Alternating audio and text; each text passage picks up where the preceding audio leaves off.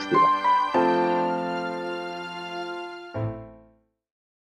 Saudara-saudara, meski menjadi pejabat eselon 1 selama tujuh tahun di lingkungan istana dari tahun 2012 sampai 2019, lalu membantu penanganan COVID dan pemulihan ekonomi, serta kini sementara ini menangani pencapaian SDGs Sustainable Development Goals di Indonesia. Kalau ditanya soal pekerjaan, selalu dengan bangga saya bilang, akademisi. Sejak lulus sarjana, tiga dekade yang lalu, saya aktif di ranah masyarakat sipil dan 10 tahun terakhir ini di pemerintahan. Tetapi, selama itu juga saya selalu terhubung dengan kampus, baik dalam maupun di luar negeri. Termasuk 8 tahun menjadi akademisi di Universitas Manchester, Inggris tahun 2004 sampai 2012. Pengalaman itu mempengaruhi perjalanan karir profesional saya, sekaligus menjadi pijakan refleksi saat merenungkan hubungan antara dunia akademik dan cita-cita meraih kemajuan. Mungkin kini sudah banyak perubahan, tapi ingatan mengajar dan meneliti di Inggris saat itu melintas di benak saya ketika memikirkan situasi pendidikan tinggi di Indonesia, di negeri kita sendiri, yang banyak disorot akhir-akhir ini. Saudara-saudara, karena saya selesai doktoral relatif cukup singkat dalam waktu 2 tahun 10 bulan, saya langsung direkrut oleh Universitas Manchester sebagai staf postdoktoral dan diberi pilihan untuk menjadi akademisi lewat jalur meneliti, research track, atau mengajar, lecturer track. Karir di jalur penelitian dimulai sebagai research associate, lalu research fellow, senior research fellow, reader, dan puncaknya profesor. Di jalur mengajar, jenjang karir dimulai sebagai lecturer A, lecturer B, senior lecturer, chair, dan terakhir sebagai profesor. Kedua track ini berlaku sama di semua universitas di Inggris, meski nama atau title posisinya mungkin berbeda. Saya sendiri memilih jalur peneliti. Kolega saya yang bersama-sama kami bergabung di Manchester, dia seangkatan dengan saya memilih jalur mengajar. Tidak ada iri, karena kami menerima gaji sama, tanggung jawab serupa, dan penilaian karir yang fair dan terbuka. Dan kami tahu akan sama-sama jadi profesor juga nantinya. Waktu kerja kami itu dihitung dengan menggunakan sistem FTE, Full Time Equivalent. 100% artinya 5 hari kerja. 20% artinya satu hari kerja. Satu hari kerja itu terdiri dari 37 setengah jam dalam seminggu. Tidak termasuk satu jam istirahat dan dua kali 30 menit rehat sebagai hak pekerja setiap hari. Setiap staf mengisi timesheet, yaitu mengerjakan apa, kapan, di mana, semuanya dilaporkan. Ini adalah sebagai bentuk pertanggungjawaban sederhana tapi akuntabel, tanpa harus repot dengan absensi, apalagi pakai sidik jari. Nah, kinerja akademik kami itu diukur dari output ya. Peneliti atau researcher itu dinilai dari penelitian dan publikasinya. Pengajar atau lecturer dinilai dari kemampuan mengajar lewat umpan balik kelas mahasiswa dan keberhasilan anak didiknya dalam ujian. Setiap akademisi punya satu pembimbing atau mentor dan satu rekan sejawat, peer. Setahun sekali ada yang disebut dengan CDR, Career Development Review. Bersama pimpinan, pimpinan ini bisa ketua jurusan, ketua departemen, direktur, atau supervisor. Dan mentor tadi untuk membahas kemajuan si akademisi dengan memperhatikan masukan rekan sejawat atau peernya tadi. Nah, hasil CDR ini menentukan kemajuan karirnya, termasuk tentu saja kenaikan gajinya. CDR ini dilakukan dengan semangat membantu, mendorong, dan mendampingi, bukan menilai, bukan menghakimi, apalagi memojokkan dan menjatuhkan. Pertanyaan kunci dalam CDR adalah apa yang bisa dibantu agar karirmu lebih maju? Itu pertanyaan kuncinya. Saudara-saudara, gaji kami saat saya di Manchester dulu itu ditentukan dengan mekanisme sederhana.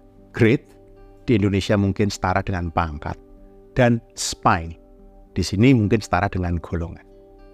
Seorang research associate dan lecturer A, mereka ini ada di dalam golongan yang sama. Pangkatnya bisa berbeda, tergantung pengalaman, tergantung hasil CDR tadi. Nah, besaran gaji di grade dan spine tertentu itu sama di universitas mana pun di Inggris, kecuali di London, Oxford, Cambridge, dan Sussex, yang memang biaya hidupnya lebih mahal. Di keempat kota itu, Anda mau bekerja sebagai apa pun, semua pekerja itu menerima tambahan tunjangan kemahalan. Nah, sebagai peneliti, saya tetap diberi tanggung jawab mengajar dan membimbing, meski hanya 40% dari seluruh waktu saya. Ini artinya saya mengajar satu mata kuliah dan membimbing maksimal dua mahasiswa per semester. Sebagai pengajar, teman saya tadi, kolega saya tadi, juga tetap diberi tanggung jawab meneliti dan membimbing, meski juga hanya maksimal 40% dari seluruh waktunya. Mengapa begini? Karena dengan cara ini, selain peneliti itu tetap terhubung dengan kelas dan pengajar tetap melakukan penelitian. Ada konsistensi output akademik berupa pengajaran dan publikasi yang terjaga tanpa si akademisi ini merasa dipepet target. Saya catat, tidak ada tahun terlewat tanpa publikasi di jurnal bereputasi. Ini membantu saya meniti karir, tapi juga sekaligus membantu kampus meningkatkan kredibilitas. Kebiasaan ini saya lanjutkan meski sudah pulang ke Indonesia dan tidak lagi menjadi akademisi purna waktu. Saya mau memastikan bahwa selalu ada publikasi akademik setiap tahun, betapapun sibuknya saya bekerja. Nah, saudara-saudara sekalian, dalam karirnya, seorang peneliti boleh pindah track menjadi pengajar, dan sebaliknya. Juga pindah universitas. Biasanya, tiap pindah jalur, pangkat dan golongan, dan tentu saja gaji akan ikut naik. Seorang akademisi yang mengawali karir di kampus A dalam hidup profesionalnya, dia bisa pindah ke kampus B, C, D, dan lalu balik lagi ke kampus A sebagai profesor beberapa tahun kemudian. Itu wajar. Mengapa? Karena memang terbukti lewat berbagai riset bahwa mobilitas atau perpindahan itu berkontribusi positif dalam meningkatkan kapasitas. Nah, yang menarik, perpindahan ini juga berlaku dalam disiplin ilmu. Linearitas itu makin usang dan ditinggalkan. Akademisi dengan latar belakang sosiologi, masternya studi inovasi, dan doktornya kebijakan publik misalnya, dia bisa menjadi profesor di bidang kebijakan teknologi. Seorang farmakolog dengan master manajemen science dan doktor kebijakan pembangunan dia bisa memimpin riset tentang public health. Lintas disiplin itu makin dihargai. Nah, mungkin itu juga yang melejitkan karir saya di sana. Karena lintas ilmu yang sifatnya serba neka. S1 saya teknik industri dari ITB. S2 saya informatika dari Manchester juga. S3 saya studi inovasi. Dan postdoktoral saya di bidang sustainability dan dinamika pengetahuan. Dalam CDR, Career Development Review terakhir saya di Inggris tahun 2012, reviewer saya mengatakan bahwa saya itu bisa menjadi profesor di bidang inovasi kebijakan pembangunan sebelum tahun 2020, jika saya tetap bekerja di sana. Tapi pulang ke Indonesia, karena linearitas ini, saya tidak yakin malah bisa menjadi seorang profesor meski sudah kembali jadi akademisi. Nah, saudara-saudara sekalian, mobilitas dalam sistem akademik di Inggris yang berdampak sistematik pada kualitas sektor pendidikan dan penelitian ini, dalam renungan saya, nampaknya dimungkinkan karena tiga hal pokok yang saya sebutkan tadi. Satu, sistem kerjanya sederhana, berbasis FTE. Gajinya sifatnya tunggal, single salary, berbasis grade dan spine. Dan penilaiannya lewat penilaian sejawat, peer review, berbasis kinerja. Karena itu, dalam merenungkan ini semua, saya memikirkan kita dapat dua pelajaran. Pertama, mengajar dan meneliti itu ada dalam jantung perkara yang mempengaruhi hitam putih dan mati hidupnya ranah akademik dan intelektual yang akhirnya menentukan nasib bangsa. Mengajar itu soal mendampingi, pendampingan dalam hal apa? Pembentukan selera, taste, pembentukan hasrat, desire, dan pembentukan kebiasaan atau habit. Sedangkan meneliti adalah soal menata pemikiran, thinking, pencarian, inquire, dan membangun penjelasan atau reasoning. Tanpa keduanya, keadaban bangsa tidak akan berkembang karena tidak ada pijakan kuat bagi sebuah bangsa untuk bertindak dan untuk berpikir. Nah, kesadaran ini menjadi dasar dalam renungan saya. Mengapa mengajar dan meneliti itu dihargai dan difasilitasi sedemikian rupa. Baik di Inggris sana, di banyak negara maju lainnya, dan seharusnya juga di Indonesia. Saya mengingat, barangkali itu mengapa tercantum mencerdaskan kehidupan bangsa dalam pembukaan UUD 1945. Tapi sayang, prakteknya tidak demikian. Lihatlah nasib para akademisi di negeri ini. Mengajar dan meneliti di perguruan tinggi tidak dihargai dan tidak difasilitasi secara memadai dan mencukupi. Malah dihambat lewat birokratisasi berdalih keharusan syarat administrasi. Sistem kerja akademik menjadi demikian mekanik dan tidak mendukung penciptaan pengetahuan. Karena kampus jadi makin mirip pabrik yang harus memproduksi sarjana sebanyak-banyaknya dan secepat-cepatnya. Penilaian kinerja yang mestinya sederhana itu jadi rumit dengan aturan angka kredit yang membuat akademisi itu terengah-engah gitu, mengejar target tapi menurunkan kualitas pengajaran dan penelitian mereka. Pendapatan sebagai pengajar dan peneliti itu tidak memadai dibanding profesi. Profesi yang lainnya dengan kualifikasi yang setara. Akibatnya apa? Akademisi terdemotivasi. Benar, kita sudah mencoba mereformasi pendidikan tinggi kita tapi hemat saya ini tidak cukup cepat dan tidak cukup masif untuk mewujudkan visi Indonesia 2045. Harus ada terobosan dan harus ada percepatan. Saya mengajukan dengan rendah hati tiga usulan. Satu, sistem kerja akademisi disederhanakan dan dilepaskan dari birokratisasi kampus agar lebih fleksibel dan produktif. Meminjam ungkapan Mas Menteri, merdeka mengajar dan meneliti, tapi yang sungguh-sungguh merdeka, bukan hanya jargonnya. Tridharma perguruan tinggi mesti direvisi. Aspek pengabdian itu tidak bisa dibebankan pada individu akademis, tetapi itu mesti menjadi tanggung jawab institusi.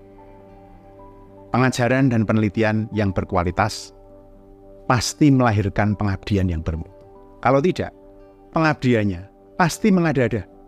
Seperti rebutan kejar setoran, bicara di seminar-seminar, tapi tidak membawa perubahan. Dua, akademisi tidak dinilai menggunakan kerangka penilaian untuk PNS atau ASN, pegawai negeri sipil dan aparatur sipil negara, meski mereka bekerja di kampus negeri dan berstatus pegawai pemerintah.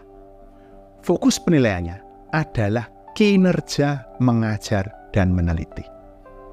Sistem angka kredit dihapus. Mengapa? Karena target mengejar kum itu justru menciptakan kelas-kelas perkuliahan yang membosankan. dan tulisan asal-asalan di jurnal abal-abal. Ini menurunkan kualitas pengajaran, penelitian, dan publikasi secara keseluruhan. Penilaian kinerja itu harus dikembangkan berdasarkan prinsip keadilan, fairness, dan penilaian sejawat atau peer review yang sederhana dan tajam substansi tanpa kerumitan administrasi. Misalnya, keharusan melampirkan hard copy publikasi dalam borang penilaian. Padahal semua bisa diakses secara online melalui DOI atau Digital Object Identifier. Itu sudah berdua. Tiga, remunerasi mesti memadai dengan jenjang karir yang jelas. Mengapa? Agar talenta terbaik mau menjadi akademisi. Tentu selalu ada bibit unggul yang tergerak motivasi luhur menjadi akademisi. Tapi itu bukan di kurva normal. Anda mau tahu buktinya? Perguruan tinggi kita tertinggal jauh dibanding negara lain. Baik dalam pengajaran maupun penelitian. Kita ini menginginkan kemajuan tapi kita membiarkan anak-anak kita diajar dan riset-riset kita dilakukan oleh bukan yang terbaik, second best. Ini mesti dihentikan. Kita mesti bisa merekrut pengajar dan peneliti terbaik untuk menguasai ilmu dasar. Baik ilmu dasar alam maupun ilmu dasar sosial humaniora. Dan mendaya gunakan ilmu terapan. Saudara-saudara, aspek kedua dari pelajaran yang saya renungkan adalah reformasi pendidikan tinggi itu tidak akan terjadi tanpa komitmen politik dan teknokratik pemimpin negeri. Mengapa? Karena perlu sejumlah langkah signifikan yang mungkin tidak populer. Saya identifikasi setidaknya ada lima. Satu, realokasi anggaran negara untuk pendidikan tinggi. Dalam jangka pendek, negara harus turun tangan memastikan ada alokasi khusus anggaran pendidikan tinggi yang bersama dengan dana abadi perguruan tinggi itu bisa digunakan untuk membangun kapasitas dan meningkatkan kualitas kampus dalam mengajar dan meneliti. Lewat apa? Melalui insentif remunerasi akademisi khususnya di perguruan tinggi negeri. Dalam jangka panjang, kampus harus mampu memobilisasi sumber daya keuangan, di samping tentu saja tersedianya dukungan anggaran negara.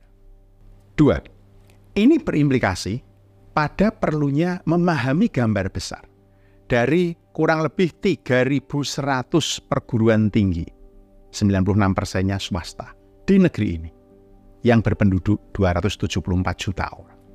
Bandingkan dengan Cina yang berpenduduk 1,4 miliar orang dengan hanya 2.700 perguruan tinggi. Atau Amerika Serikat dengan 340 juta populasi dan kira-kira 3.200 kampus. Ini tidak mudah.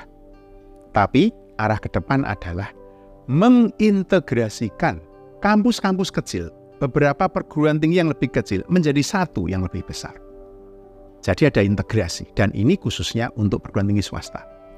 Pemerintah perlu menegaskan orientasi integrasi ini dalam upaya meningkatkan kualitas pengajaran dan penelitian dalam pendidikan tinggi, baik swasta maupun negeri. Tiga, pemisahan pengelolaan kepegawaian akademisi dari pegawai negeri sipil atau aparatur sipil negara lainnya. Meski statusnya PNS atau ASN, hakikat meneliti dan mengajar di perguruan tinggi itu berbeda dari menyediakan layanan publik dan administrasi di kementerian, lembaga, dan kantor pemerintah daerah. Implikasinya apa? Implikasinya adalah talenta akademisi ini mesti dikelola terpisah, diserahkan pada institusi pendidikan tinggi di mana mereka bekerja. Yang perlu disiapkan adalah rujukan kualifikasi untuk rekrutmen, kriteria penugasan untuk meneliti dan mengajar, skema pengembangan karir, dan mekanisme evaluasi kerja mereka sebagai akademisi.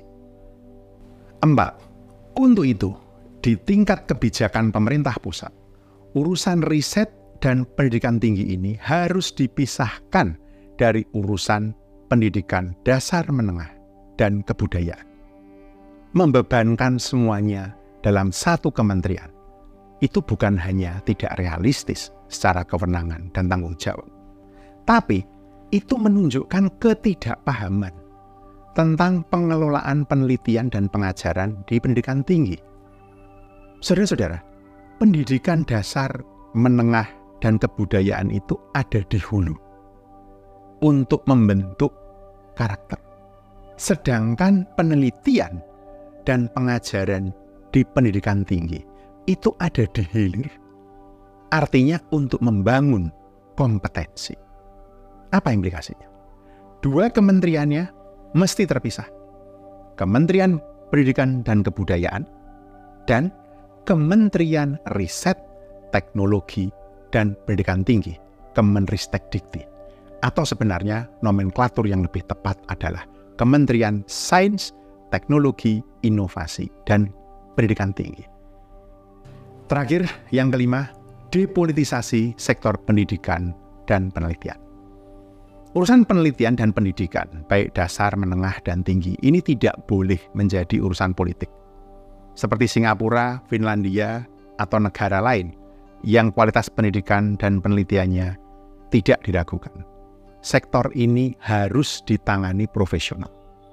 Kementeriannya jangan dijadikan sarana bagi-bagi kue kekuasaan dan menteri-menterinya jangan berasal dari parpol atau ormas, agar kebijakannya bisa berjangka panjang dan tidak selalu diubah atau dibatalkan atau tambah sulam oleh menteri baru karena ego politik masing-masing. Saudara-saudara sekalian, saat dipanggil pulang ke tanah air di masa pemerintahan Presiden Susilo Bambang Yudhoyono oleh Pak Kuntoro Mangkusubroto, beliau satu adalah kepala UKP 4 unit kerja Presiden bidang pengawasan dan pengendalian pembangunan di tahun 2012. Saya membawa sebuah kebanggaan sebagai seorang akademisi Indonesia dengan pengalaman kerja yang cukup lama di luar negeri. Kini, setelah bekerja untuk pemerintah, sejak saat itu hingga hari ini, termasuk menjadi peneliti dan pengajar di sini di Indonesia ini semua membuat saya yakin bahwa satu penanda penting Indonesia jadi negara maju adalah saat akademisi kita bangga mengajar dan meneliti di negeri sendiri. Ini mesti jadi agenda para calon pemimpin bangsa. Terima kasih sudah menyaksikan video ini. Semoga kita bisa menemukan makna dan pemahaman yang lebih dalam bersama nalar.